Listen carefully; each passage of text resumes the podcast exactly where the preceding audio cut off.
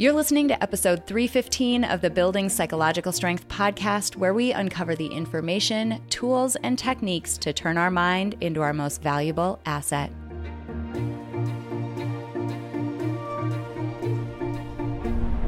Welcome back to the Building Psychological Strength podcast. On this podcast, we explore the very nature of our minds, how they work, and how they shape our life experience. We believe that life is finite and precious we know that our minds provide a powerful lens through which we experience the world, and we choose to take responsibility for building psychological strength to craft a life experience that's worth living. I'm Dr. April, a social cognitive psychologist and a life design strategist, and I'm so glad you're here. You know, one of the seven main skill sets that make up psychological strength has to do with the self. One of the core ways that we seem to think about the self is in terms of identity. Who am I? What am I like? What do I value? What am I good at? Or in some cases, not so good at? All of that's important. But today, I want to cover a slightly more, maybe obscure facet to the self. Specifically, today, we're talking about the relationship we cultivate with our self. Let me give you a quick example that'll hopefully make this topic a bit more clear. Have you ever had a friendship that was really one sided? Maybe you felt like you put in a lot of effort and attention, but the other person just didn't reciprocate. How does that feel? More importantly, how does that make you want to act toward that person in the future? I mean, if you do nice things for someone and they go unacknowledged or unappreciated, you might feel less motivated to do those things in the future for that person. In today's episode, I'm going to invite you to think about your relationship with yourself in a similar way as a reciprocal relationship, as a two sided give and take relationship that requires cultivation, appreciation, and acknowledgement. And my hope is that it helps you move the needle toward behaviors that support you and your well being in the long run.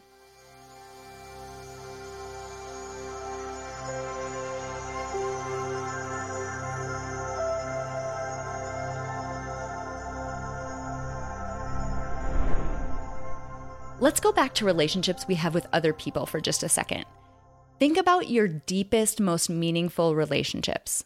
Maybe it's your relationship with your partner or a best friend, think about the elements that are most important in cultivating and maintaining the quality of that relationship.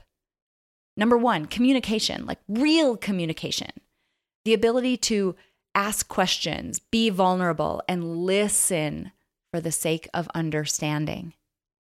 Two, compassion and empathy. When that person's going through something difficult, you're there for them to lean on, and vice versa. You're not critical or judgmental. Rather, you support that person for who they are and you empathize with their most difficult emotions.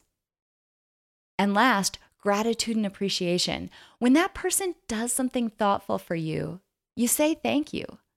You acknowledge what that person has done and you express your gratitude in a heartfelt way. All three of these activities communication, compassion, and appreciation they serve to connect you to that person on a basic human level. They strengthen your relationship for the future and they increase your trust in that person.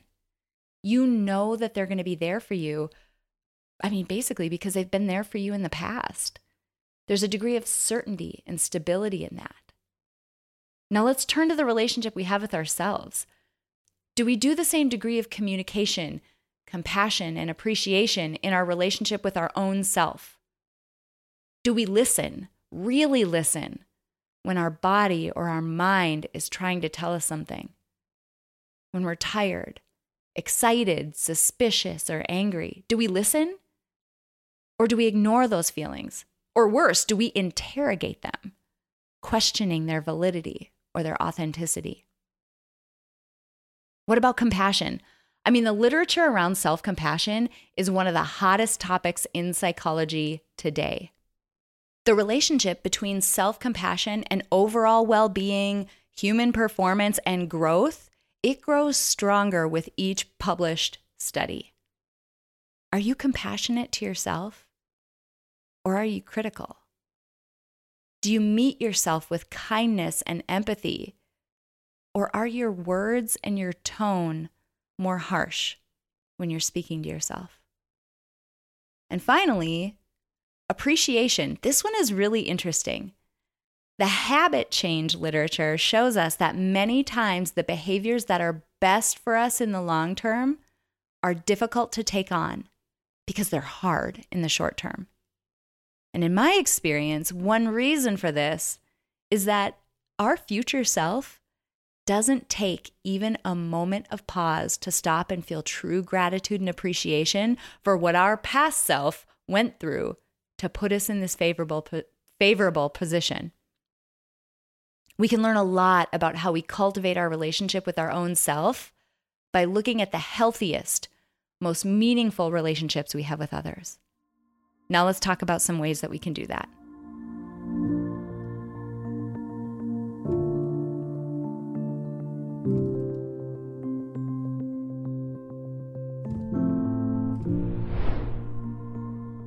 When we talk about communication with our own self, what we're really talking about is self awareness. And this is such a misunderstood and a misconstrued topic because the majority of people will say that they're very self aware. But when it comes down to it, research shows us that we're really not. We're unaware of the majority of what's causing our thoughts and feelings and behaviors and emotions. And this is because self awareness, it's not something that really comes naturally to us. It's not something we just have. It actually requires intention and work. We have to cultivate it, we have to develop it. And to do that, it means we need to carve out time, just a few moments per day. We need to get quiet. We need to turn inward. And we need to focus on our own needs. So try that. Sit down at the end of the day today and ask yourself, what do I need? What changes do I need to make?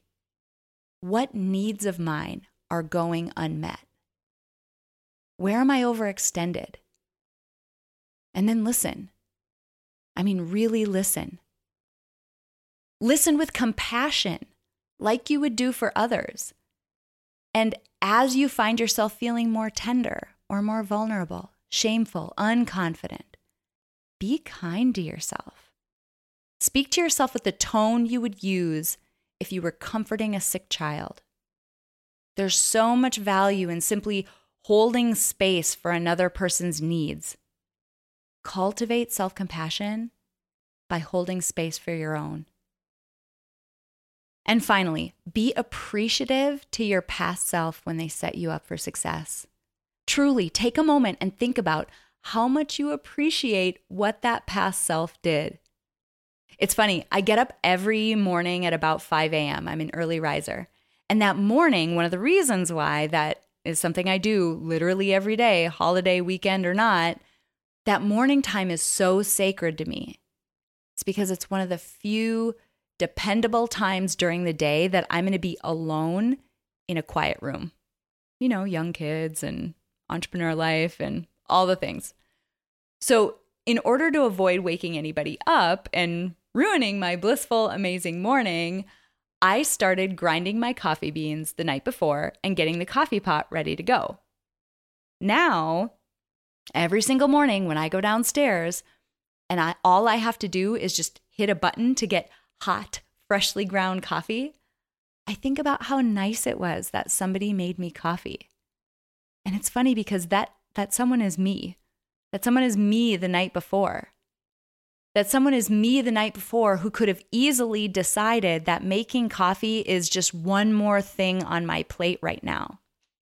But because I've developed this two way relationship with myself, the me from the past makes the coffee because she loves the me in the future and she knows I'm going to appreciate it. She knows it's going to make me so happy. And then the me in the future who magically has coffee that is ready to go and made for her, is so appreciative to the me the night before who took that extra step of care. I literally pause and say thank you every single morning when I hit that button. So, similarly, what if you viewed things like working out, eating well, sleeping enough, drinking water, meditating, or really any other healthy habit? What if you viewed it as an act of self love? And then in turn, you spent a moment appreciating the work that your past self put in in order to help support you. Be appreciative. Say thank you. Research shows us that the relationship we have with our own self is one of the most important ones in our lives. So spend some time and effort cultivating a good one.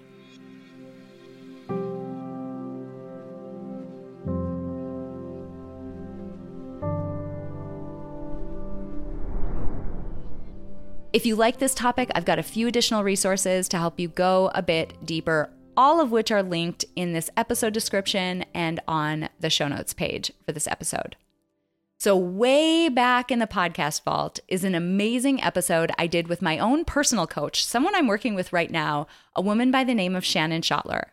And if there's someone who is an absolute pro at helping people develop a good relationship with themselves, it's her. I mean, in the work that I'm doing with her right now, we're spending a lot of time helping me develop self awareness. When is my mind and my body telling me that I need something or that I've been ignoring it for too long? And what is that need? It's been incredible and transformative. So, if you're interested in more self awareness, self leadership, all of that, check out her episode. It's episode number 136, and it is a truly impactful episode. You'll love it, and you'll love meeting Shannon. If you're really ready to support yourself, another resource we have for you. You might love our mini course, Self Care by Design. It's only 29 bucks on our website for lifetime access, and it uses life design to help you create a custom, effective, guilt free self care routine. You can go to peakmindpsychology.com backslash self care to learn more about it. Or again, it's linked in this episode description and on the show notes page. And finally, I would really be missing the mark if I didn't tell you about Dr. Kristin Neff's work on selfcompassion.org. Dr. Neff is head and shoulders, by far and away, the most well known and well published expert on self compassion. And there is so much information for free on her website. You have to check it out if this is a topic you're interested in or something that you want to cultivate for yourself. You have to check out her website. It is just a wealth of information.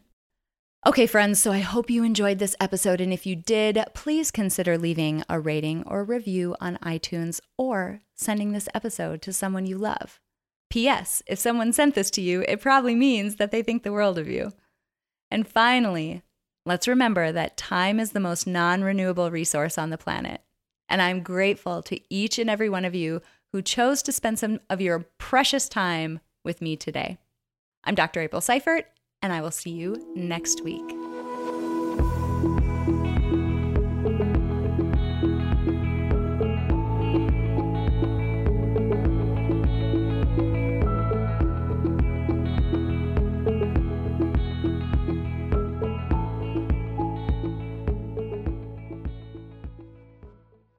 At Parker, our purpose is simple. We want to make the world a better place by working more efficiently, by using more sustainable practices, by developing better technologies. We keep moving forward. With each new idea, innovation, and partnership, we're one step closer to fulfilling our purpose every single day. To find out more, visit parker.com/purpose. Parker, engineering your success. Everybody in your crew identifies as either Big Mac Burger, McNuggets, or McCrispy Sandwich. But you're the filet fish Sandwich all day. That crispy fish, that savory tartar sauce, that melty cheese, that pillowy bun. Yeah, you get it.